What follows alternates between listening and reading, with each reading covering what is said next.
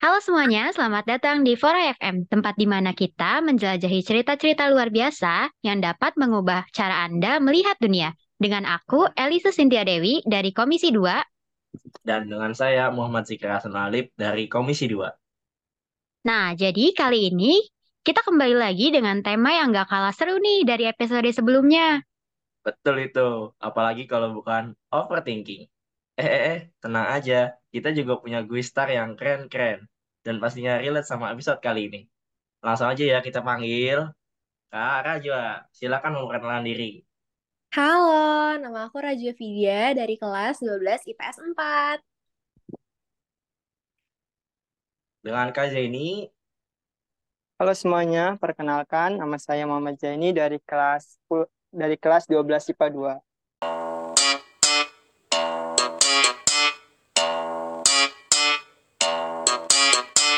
Oke, jadi di sini kita mau bahas tentang overthinking nih Kak, terutama overthinking tentang nilai. Kalian kan udah kelas 12 nih, pasti pernah dong overthinking, apalagi tentang nilai. Nah, kan udah mau masuk PTN nih, kira-kira kalian ngejar PTN mana sih? Hmm, jujur personal, aku sih ngejar banget uh, universitas yang kita semua mau, yaitu Universitas Indonesia di jurusan Ilmu Komunikasi. Kalau Zaini gimana? Kalau gua pribadi sih pengen Universitas Airlangga ya. Wih, Kenapa? keren-keren ya. Kenapa tuh? Eh, nggak apa-apa, emang pengen jadi emang lagi pengen aja di sana. Lagi pengen aja. Apa emang Iya, ada cita-cita dari dulu kah atau gimana? Eh, nggak ada sih. Eh, emang pengen jadi arek Surabaya aja dulu. Oh, Terus ya, keren ya, keren. Terus, kira-kira dari nilai rapot yang kemarin itu udah bisa tercapai belum nih? Apa harus ditingkatin lagi? Waduh, hmm, sepertinya ya ditingkatkan. Walaupun sebenarnya kemarin nggak jelek-jelek banget sih, alhamdulillah. iya betul betul. nah, kira-kira mau ningkatinnya tuh berapa persen tuh? Supaya 100 bisa tercapai goals-nya. Harus 100% sih kayaknya. Iya dong, masa setengah-setengah? Ini kan buat masa depan. Betul. semangat banget ya. Semangat, semangat. Bagus, bagus. Keren. Tapi nih Kak, kan banyak yang bilang ya, nilai itu bukan segalanya. Tapi kenapa sih masih banyak itu anak-anak SMA yang masih overthinking? Apakah itu juga ada dari dorongan lingkungannya atau gimana Kak? Menurut aku, nilai itu bisa menjadi wajah seorang individu di lingkungannya.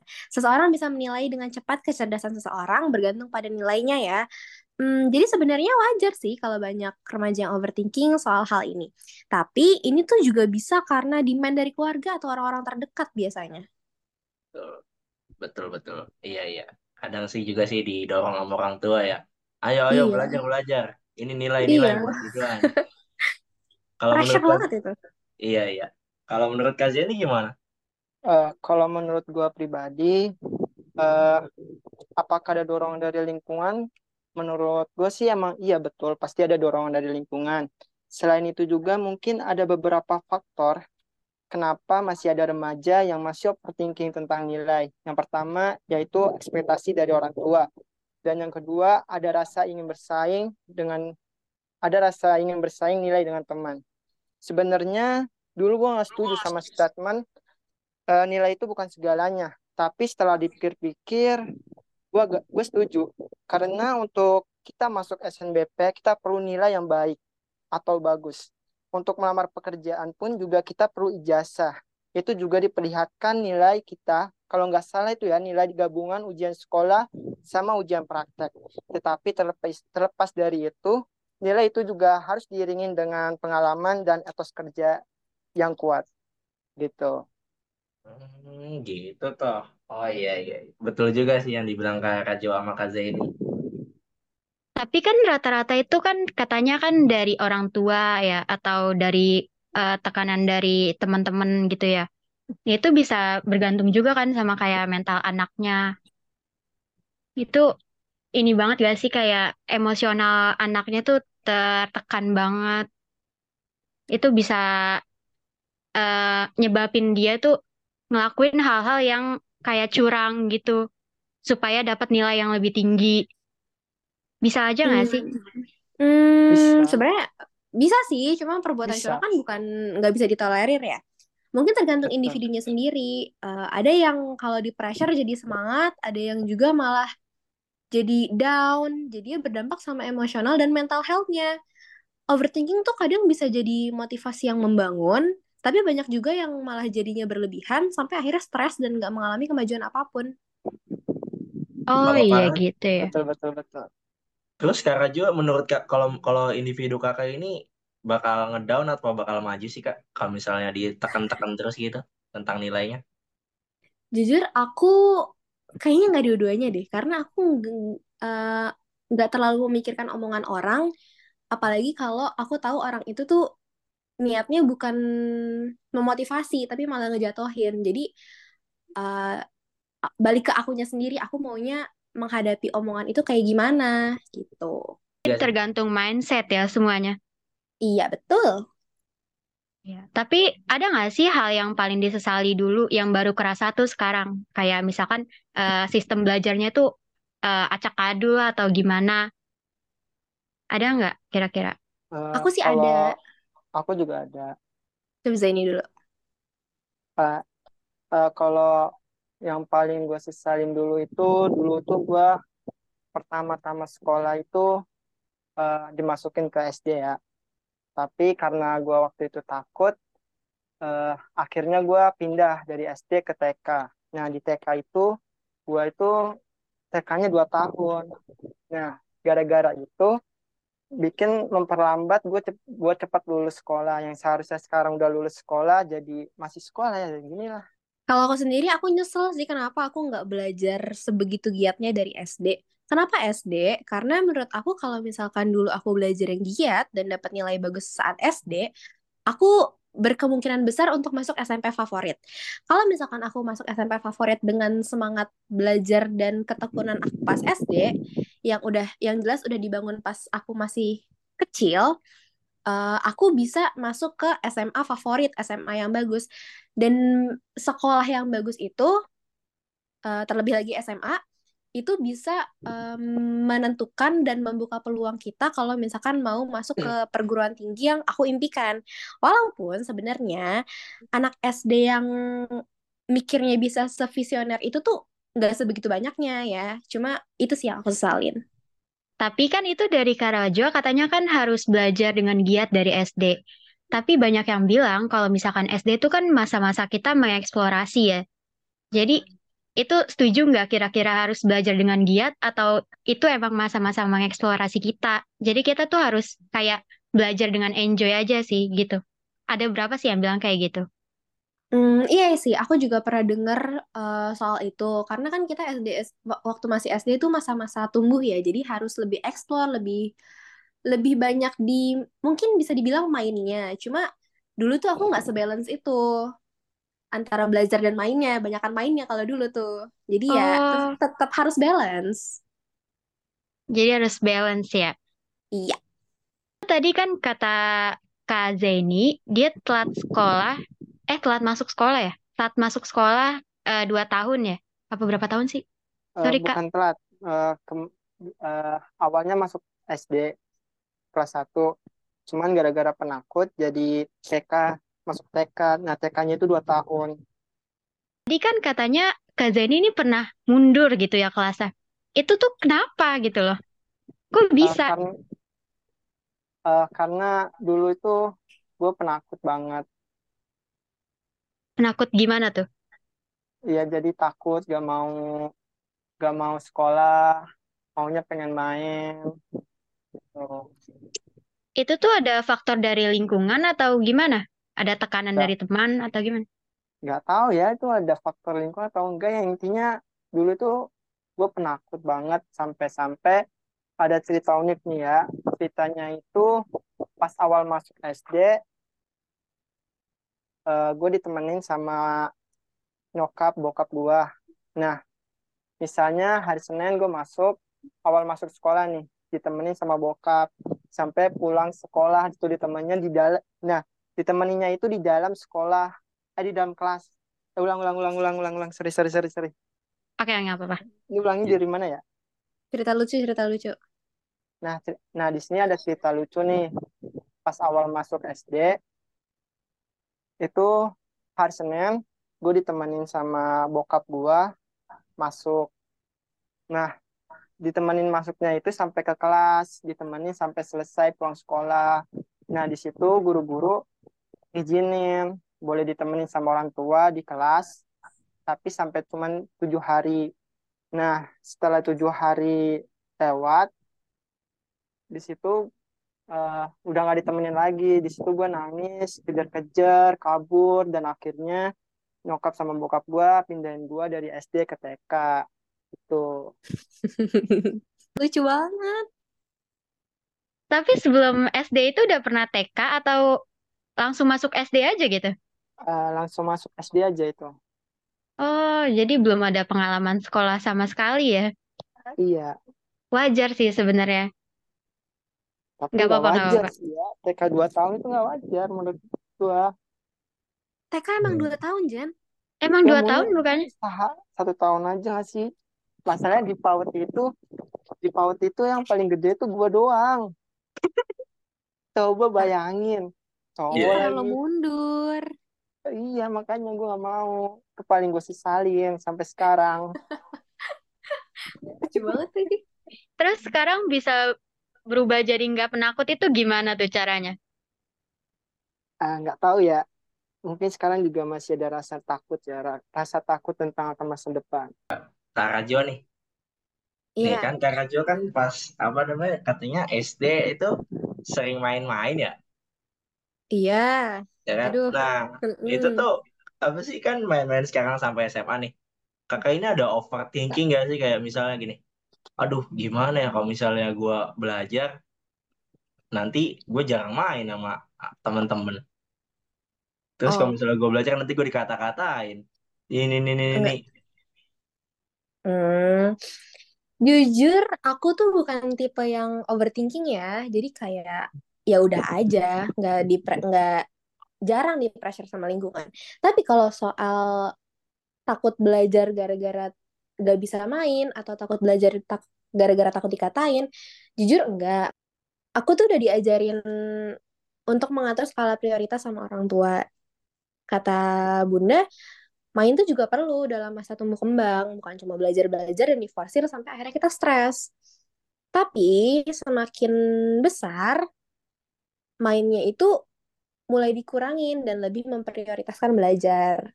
Gitu. Berarti kakak ini lagi memprioritaskan untuk belajar dan tidak bermain gitu kak? Ya, nggak bisa Hmm. dibilang tidak bermain juga ya, soalnya jujur cukup stres ini menghadapi semua-semua ini nih. Ya Allah. Oh ya, Kak Rajo les kan ya kak? Iya, betul. Hmm, Kak Zeni juga les? Eh, enggak Wow, nggak les? Zaini mah pinter. Hmm, enggak Wow, Jo. kacau. Tapi ini ya, overthinking itu kan bisa ningkatin semangat belajar nih. Atau malah berdampak ya sama emosional remaja gitu, Kak. Kalau menurut gue pribadi sih eh, buat ningkatin semangat belajar itu enggak ya. Kalau kalau bikin emosional remaja itu baru iya. Karena menurut gue overthinking itu eh, sewajarnya aja, jangan terlalu berlebihan. Karena overthinking ini ada plus minusnya. Plusnya itu untuk membuat kita introspeksi diri, apa yang kita lakuin ini salah atau tidak. Bikin kita berhati-hati setiap mengambil keputusan. Nah, minusnya itu mengurangi semangat belajar, bikin kita stres, dan bikin emosional kita meningkat. Gitu. Hmm, gitu ya. Jadi, berapa persen tingkat kepercayaan kalian untuk dapat PTN? Kan kalau Kak kan UI tuh. Nah, kalau Kak Zeni kan kayak Erlangga. Apa? Universitas Erlangga. Nah, itu berapa Mm-mm. persen sih tingkat PD-nya untuk bisa masuk? Aduh, hmm, jujur UI kan lumayan bergengsi, bukan lumayan, bergengsi banget. Udah bergengsi banget itu. Heeh, jujur aku tuh sebenarnya nggak pede-pede banget ya, karena aku merasa belum semaksimal itu untuk belajar eh, masuk PTN. Iya. Mungkin sekitar 50% kali ya. Dan itu pun aku bukan 50% itu bukan pede berdasarkan kemampuan aku, tapi aku yakin soalnya aku didoain sama bundaku. Doa ibu kan katanya manjur banget kan. Lagi pula, kalau kita minder, itu tuh bakal jadi law of attraction gitu loh. Apa yang kita takutin atau apa yang kita omongin terus tuh bakal malah kejadian takutnya. Iya, iya, iya. Betul, betul. Berarti kalau misalnya kakak ini amit-amit nih ya kayak apa namanya Mm-mm. nggak kedapatan dulu itu kira-kira ada second choice gak? Second choice. Choice. Ah, jujur aku nggak ada backupan universitas ya. Mungkin aku akan mengambil vokasi UI, walaupun ini sebenarnya akan jadi perdebatan di Oh masyarakat iya, juga iya. sih. Cuma tidak tahu ya. Semoga dapatnya sarjana. Amin. Hmm. Amin. Amin, amin, amin. Amin. Amin, Berarti amin, ini amin. kakak ini tetap UI UI ya? UI terus pokoknya nih. Iya. Wow, iya, iya, iya. hebat, Cinta hebat, hebat. mati ya, Rajwa. Aku tuh nggak pernah di pressure ya sama Bunda untuk soal akademik. Cuma baru kali ini Bunda tuh yang kayak minta, Kak, tolong ya kalau bisa di UI gitu. Jadi berusaha sebisa mungkin buat ngewujudin maunya Bunda. Mantap, mantap. Emang sih betul sih. Doa keren. ibu emang bakal dituin ya, bakal mujarab. Kalau Iya. Kak Zia ini gimana Kak? Kebetulan sih jurusan yang pengen gue ambil ini eh, tingkat tingkat apa ya namanya? Tingkat pesaingnya itu cukup cukup berat ya. Jadi mungkin ada di di 10%, 10%. Masa 10% sih ah, nggak percaya. Itu Masa nggak kekecilan itu, nggak 10%. kecilan? Iya kayaknya kekecilan ya. Tapi sesuai lah sama eh, se- sesuai lah sama apa yang sekarang ini. Apalagi gue belum belajar mengenai tentang UTBK Hmm, gitu. iya, iya, iya. Tapi kan kalau misalnya rankingnya segitu nih ya, Iya, nah itu tuh kan biasanya dapet tuh, ya kan? iya. Nah, itu kakak udah ngeliat nggak sih dari apa sih namanya tuh orang-orang sebelumnya apa sih namanya alumni ya alumni alumni 45 itu udah udah ada yang masuk ke situ belum Kalau jadinya dilihat sih udah, ya udah ada yang masuk kok. oh udah ada yang masuk hmm. Iya, jadinya tingkat kepedean masa 10% sih ah nggak ubah jadi 100%. Oi, tuh Wih, keren. Hebat hebat hebat Tapi Kak, kalau misalkan masuk universitas gitu kan ada fakultas-fakultasnya tuh. Nah, setiap Mm-mm. fakultas kan pasti beda-beda kan pesaingnya, kayak ada yang banyak iya, pesaingnya, ada yang dikit juga. Nah, ini Mm-mm. jadi ada cerita gitu dari kakak. Ya, anggap aja temen lah gitu. Pokoknya Mm-mm. teman saya ini punya kakak. Kakaknya itu masuk univers- universitas bergengsi. Karena pesaingnya itu dikit gitu loh. Jadi emang pesaingnya itu eh, ngaruh banget ya ke kita tuh masuknya di universitas ini. Kemungkinan kita diterima di universitas itu. Kalau Jujur menurut iya. aku sih ngaruh. Iya ngaruh banget Oh, sih. Soalnya universitas kan sebenarnya hmm, aku nggak tahu ya. Cuma kayaknya apalagi kalau universitas bergengsi, mereka nggak akan menutup slot kuota siswa yang mereka terima. Jadi kayak dipenuh-penuhin aja selama masih ada peminatnya. Hmm, Betul, betul. iya iya tapi kalau misalkan yang sepi peminatnya, berarti nilai yang kecil, maksudnya eh, yang rata-ratanya lebih kecil daripada fakultas-fakultas lain, berarti tetap dimasukin. Kalau misalkan peminatnya emang sedikit gitu. Nah, mungkin ya, Mungkin iya, tapi sesedikit-sedikitnya pendaftar nggak mungkin lebih sedikit daripada slot penerimaan nggak sih? iya betul betul, betul. Tapi pasti ada yang lebih kecil dong dari rata-rata. Kayak misalkan peminat eh, dari universitas eh fakultas kedokteran pasti kan lebih banyak kan daripada yang eh, misalkan kayak arkeologi atau apa gitu. Mm-mm, Iya, iya, iya. Pasti pesaingnya Oke. lebih banyak juga. Mm-mm. Tapi dalam overthinking itu perlu nggak sih kita introspeksi diri? Dan apakah dengan introspeksi diri itu bisa membantu kita atau malah memperburuk aja? Gimana menurut kakak-kakak? Hmm, mungkin kata-katanya diganti kali ya, bukan overthinking karena over sendiri tuh artinya berlebihan. Tapi mungkin Weh, lebih ke evaluasi dan introspeksi diri supaya kita bisa belajar dari kesalahan sebelumnya kayak yang Zaini tadi sempat bilang. Justru orang yang mau introspeksi dan berubah menjadi lebih baik itu bisa loh membantu untuk menambah value dirinya sendiri. kalau menurut Kak Zeni gimana Kak? Untuk jawaban gue pribadi sama kayak Rajwa. Tapi gue pengen nambahin nih.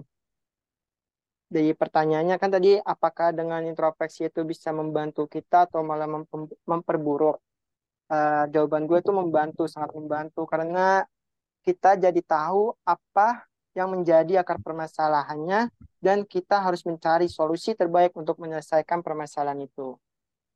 Iya, iya. Setuju. Oke, keren-keren. Setuju, setuju. Wah, seru banget ya perbincangan kita kali ini. Gak terasa udah lewa- udah banyak banget yang kita diskusiin.